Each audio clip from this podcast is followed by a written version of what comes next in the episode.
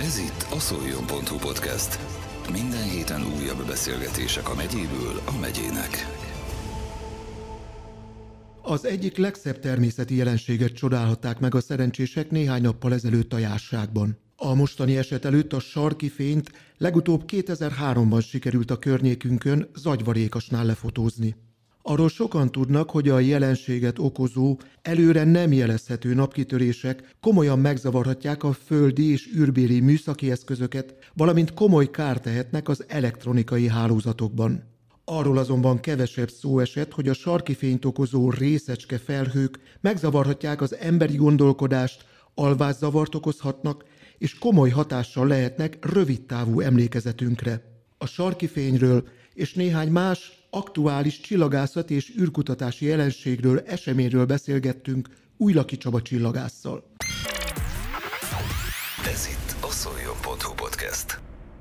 Az elmúlt napok egyik legérdekesebb csillagászati témája volt, többek között itt a jászkunságban is, hogy sarki fényt lehetett észlelni. Ez így a laikus számára meglehetősen szokatlan jelenségnek tűnik. Ha visszanézünk az időben, például meg tudjuk-e mondani, hogy legutóbb mikor lehetett egy ilyen komoly sarki fény észleléssel találkozni, akár Szolnokon, akár a Jásságban, akár itt egy picit tágabb környezetünkben?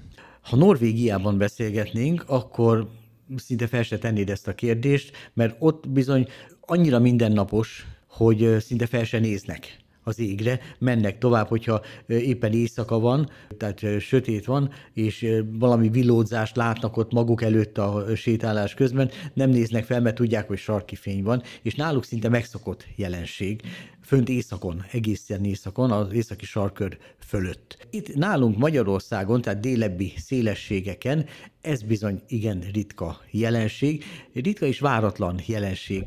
Nem lehet olyan módon nem lehet előre számítani rá, hogy naptár szerint nem lehet besorolni, hogy na majd ekkor készülünk rá, viszont az űridőjárás figyelők, mert hogy ilyen is van, akik a napot követik figyelemmel, ők jelzik előre, hogy na most történt egy napkitörés, és ezzel függ össze a sarki fény jelenség, napkitörés, egy részecske kidobódás a nap felszínéről, amely elindul úgy a világűrben, és amikor a Föld felé irányul, jelzik a csillagászok, hogy rövidesen sarki fény jelenség várható. Az északi sarkörtől északra, illetve a déli sarkörtől délre. A déli fényt azért nem említik, mert ott ritkán lakott. Vidékek vannak, északon azért sűrűbb vidékek vannak, és ez északon látható, ahogy említettem, tehát ez a részecske felhő becsapódik a Föld légkörébe, a Föld mágneses mezeje igyekszik ezt eltéríteni, de ott ilyen luk van, északon és délen, a sarkok közelében, és fénylésre gerjeszti ez a részecske felhő a Föld légkörének atomjait, és ez világít, mint a fénycsőben a gáz, amikor felkapcsoljuk a szoba világítást, vagy a terem világítást, és ez ilyen délebbi szélességeken ritka. Magyarország ugye a 47. szélességi körön fekszik. Nagyon ritka a jelenség, főleg, hogy szabad szemmel észre lehessen venni. Legutóbb 2003-ban volt olyan erős naptevékenység, hogy itt szónoktól nem messze zagyvarékason fotózta kollégánk. Most viszont egyre gyakrabban látunk. Az utóbbi napokban, hetekben nem először. Azt hiszem ez az ötödik ilyen észlelés már február eleje óta aktivizálódik a napunk.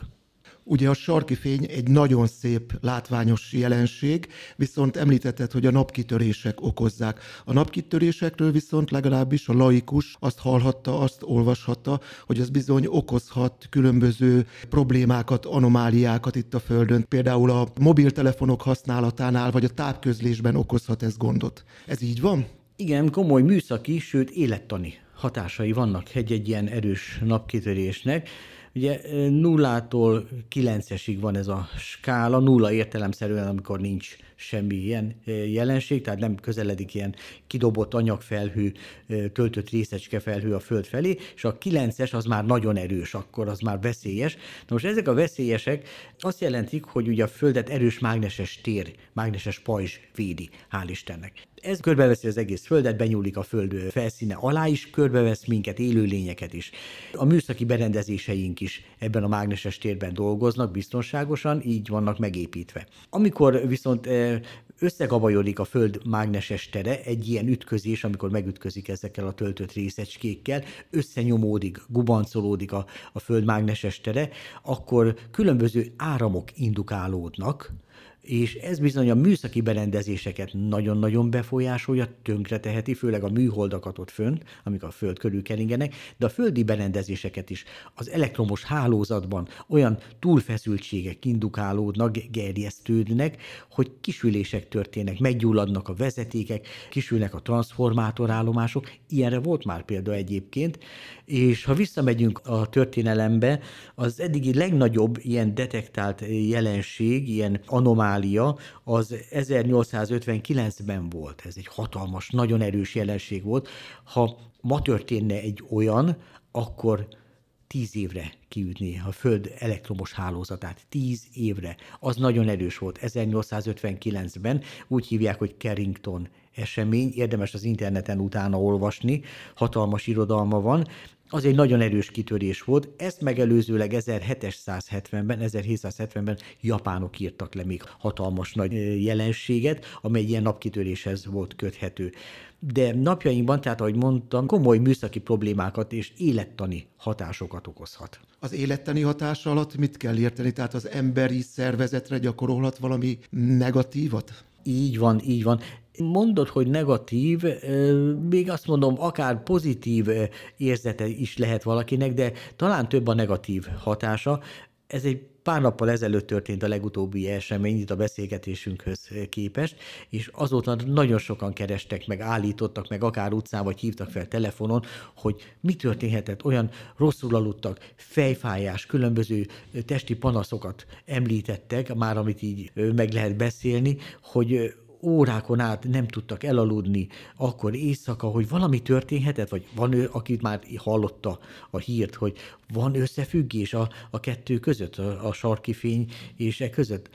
Van. Van bizony, van bizony, megbolygat minket is. Hát az univerzum részei vagyunk, itt a Földön is, eh, Föld felszínén nem vonhatjuk ki a hatások alól magunkat, és bizony bennünk is bioáramok keringenek, az agyunk is eh, így kommunikál, így dolgozik, nagyon-nagyon megzavarja az emberi gondolkodást is, az emberi viselkedést egy-egy ilyen erős napkitörés, én mindig elmondom az előadásaimon, diákok örülnek ennek a legjobban, hogy mikor egy-egy ilyen napkitörés van, és nem muszáj, hogy sarki fény párosuljon hozzá, a gyengébbeket is megérezzük, és a következő szokott előfordulni, hogy, hogy, hogy miről is volt szó az előbb? Egy ilyen pillanatnyi kihagyás pillanatnyi gondolat kihagyás, elfelejtjük, hogy, hogy miről volt szó, az mit kérdeztél tőlem? A rövid távú memóriára van hatással, képzeld el, Bizony, bizony, mert hogy a rövid távú memóriánk, a pár perccel vagy pár órával ezelőtt történt események, ezek még elektromosan rögzülnek az agyba. A régebbi emlékek kémiai úton rakódnak le bennünk, és ezeket az elektromos jeleket a napkitörés rendkívüli módon tudja befolyásolni. Mondom, diákok örülnek ennek, szoktam mondani, hogy hát éppen felelés közben, ha valami nem jut eszedbe, akkor esetleg mondhatod, hogy pedig megtanultam, de hát talán nagyon erős napkitörés volt, ne úgy most nem jut eszembe. Például ilyen hatás is van. Említetted ezt a, az 1800-as évek végi rendkívül erős kitörést. Tudományos szempontból arra lehet-e válaszolni, hogy mekkora az esélye annak, hogy napjainkban előfordul egy ekkor erős napkitörés, vagy ezt előre abszolút nem lehet megjósolni? Abszolút nem lehet megjósolni. Ez a mostani napciklus, mert napciklusokról kell beszélnünk, a csillagászok és a napfizikusok napciklusokra osztják a nap életét. Ez a 25 Egy-egy napciklus 11 évig tart. 11 évig tart két minimumot 11 év választ el egymástól, illetve ha maximumokat tekintjük, akkor két maximumot 11 év választ el egymástól. Közte ugye ilyen hullámzó módon lecsökken a naptevékenység, aztán kezd erősödni a naptevékenység.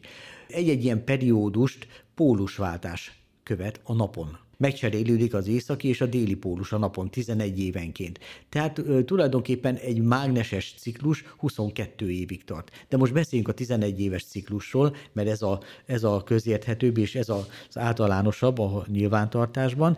Ez a 25 amiben most vagyunk, és a maximum felé közeledünk.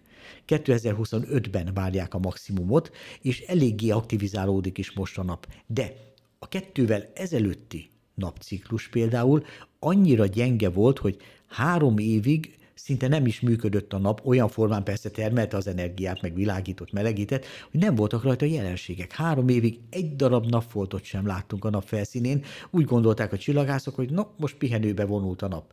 Volt már ilyen az évszázadok során, ugye ezt a fák évgyűrűin nagyon szépen lehet követni, a különböző más élettani jelenségeket is, amiket feljegyeznek, lehet követni. Voltak hosszabb kihagyások a nap életében, amikor évekig, évtizedekig csendes volt a nap, semmi ilyesmi nem volt. Aztán nagyon aktív lett a nap.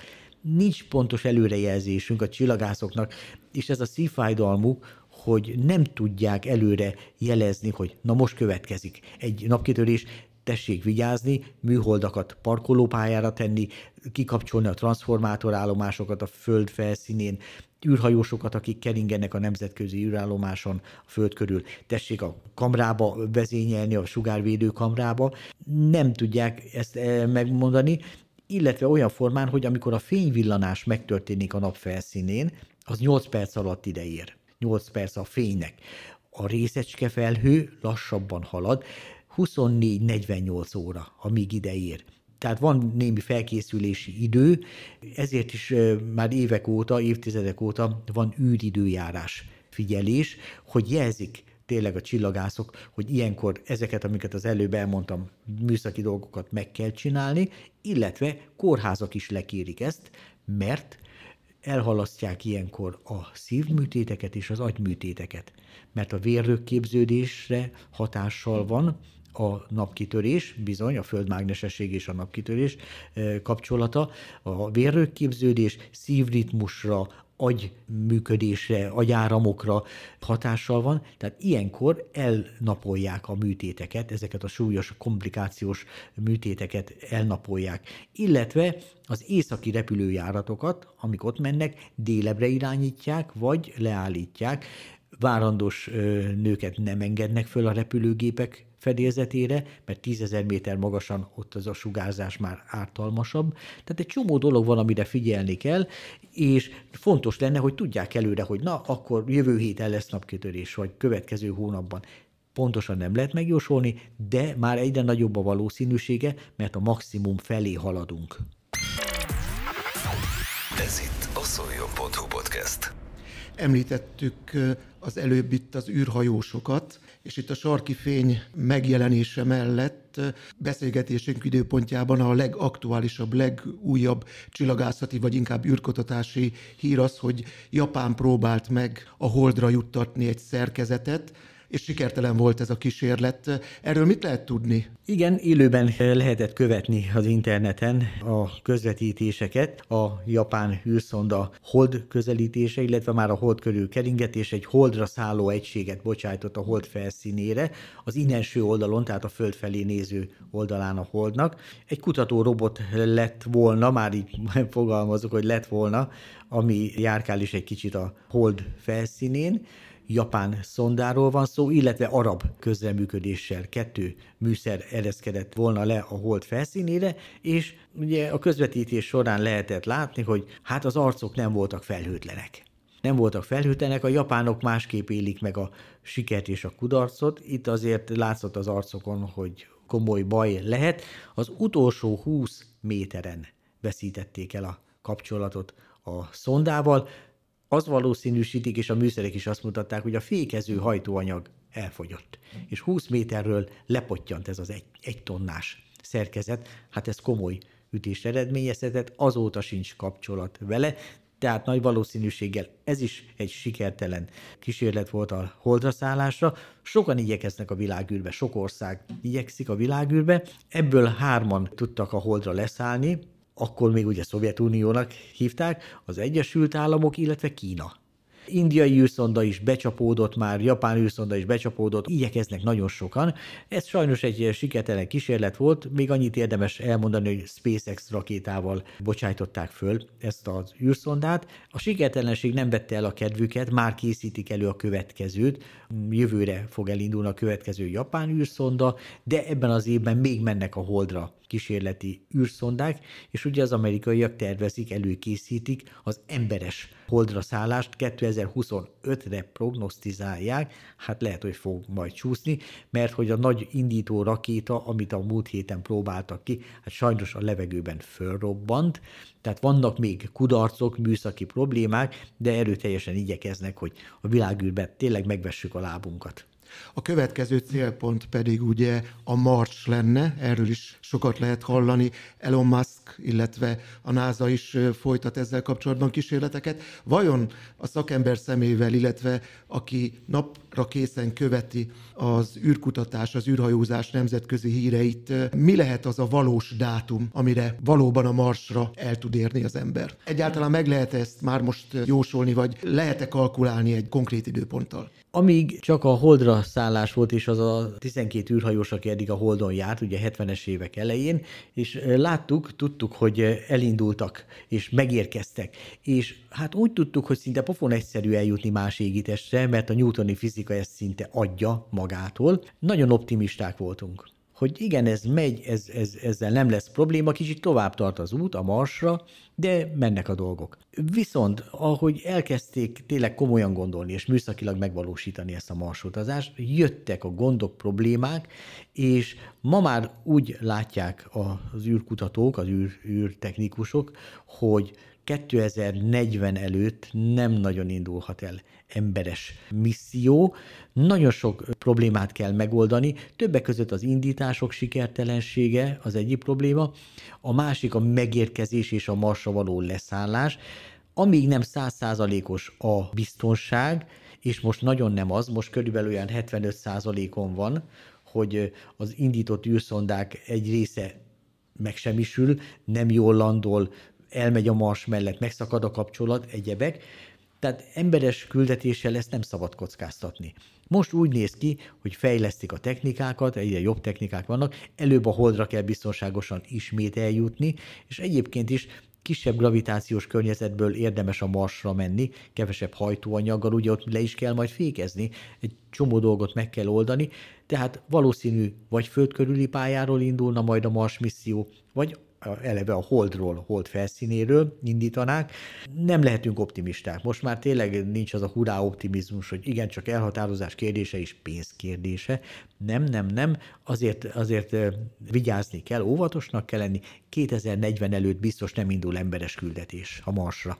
Nem régiben járt itt Szolnokon Farkas Bertalan, az első és eddig egyetlen magyar űrhajós, de ugye azt is tudjuk, hogy megkezdődött a leendő magyar űrhajósok kiválasztása. Vajon ők a Holdra szállnak majd, vagy ők egy földkörüli keringésnek lesznek a részesei? nem a holdra fognak menni, a nemzetközi űrállomásra megy majd egy űrhajós közülük, egy valakit majd kiválasztanak. Persze mind a négyüket kiképzik, mert az utolsó, így mondom idézőjelben az utolsó pillanatban dől majd el, hogy tényleg ki lesz az, aki elindul majd a nemzetközi űrállomásra, és ott fog majd szolgálatot teljesíteni. Általában egy-egy ilyen misszió hat hónapig tart fönt a nemzetközi űrállomáson, és most már tényleg úgy néz ki, hogy magyar résztvevője is lesz. Nagyon sok ország bekapcsolódott már az ISS üzemeltetésébe, és hát ugye én úgy tudom, hogy maga az űrállomás, nemzetközi űrállomás 2030-ig kapott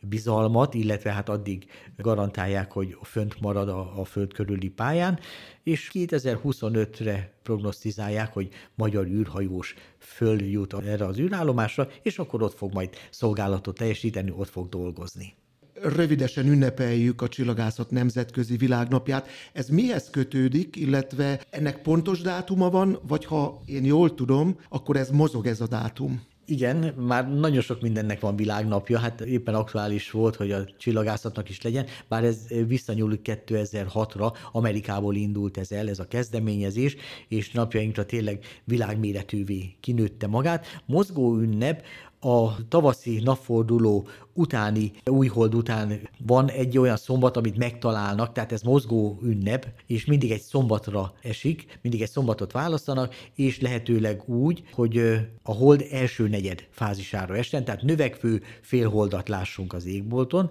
mert ezt lehet nagyon szépen bemutatni. És ennek az a lényege, ennek a csillagászat világnapjának, hogy ilyenkor szerte a világon járdacsillagászatot tartanak, illetve kinyitják a bemutató csillagvizsgálókat, kutató csillagvizsgálókat, beengedik az utcaemberét, illetve a járdacsillagásathoz oda engedik az utcaemberét, hogy minél közelebb eh, kerüljön hozzánk a csillagos égbolt látványa, minél többen nézhessenek távcsőbe, esetleg beleszeressenek az égbolt látnivalóiba, és ilyenkor ugye kitesszük a távcsőveinket, lehetőleg forgalmas helyre, ilyenkor nem számít az, hogy ugye fényszennyezés városok közepén, mi is itt Szolnokon kiszoktuk rakni a távcsövünket a legforgalmasabb helyekre, és ilyenkor az égbolt legfényesebb látnivalói azért a városon belül is látszanak, halvány égitestek természetesen nem, de arra való, és ilyenkor ugye azért is a holdhoz igazítják a csillagászok ezt a napot, hogy a hold az bárhonnan bemutatható. Ilyenkor nagyon szép látvány a távcsőben, most ráadásul a Vénusz bolygó is társul a bemutatni valókhoz, illetve még a Mars bolygót is lehet látni az égbolton, tehát van azért látni való, bemutatni való. Itt szólnokon egy kicsit elcsúsztatjuk, ugye ez most nekünk nem szombatra, nem csütörtökre esik, de ebben a formában azért mi is megtartjuk itt a járdacsillagászatot, illetve minden hónapban tartunk egy járdacsillagászatot itt szolnokon, egy szombat este, ezt meg szoktam hirdetni, plakát is készül rá Facebookon is, fönt van a hirdetésünk, mindig az első negyed közelére időzítem én is, jó idő és derült ég fontos hozzá, ezt mindig kihangsúlyozom, hogy már kis felhők is zavarják ezeket a bemutatókat, derült ég esetén minden hónapban egy szombaton járdacsillagászatot szoktunk tartani. Ez volt a szoljon.hu podcast. Minden héten újabb beszélgetések a megyéből a megyének.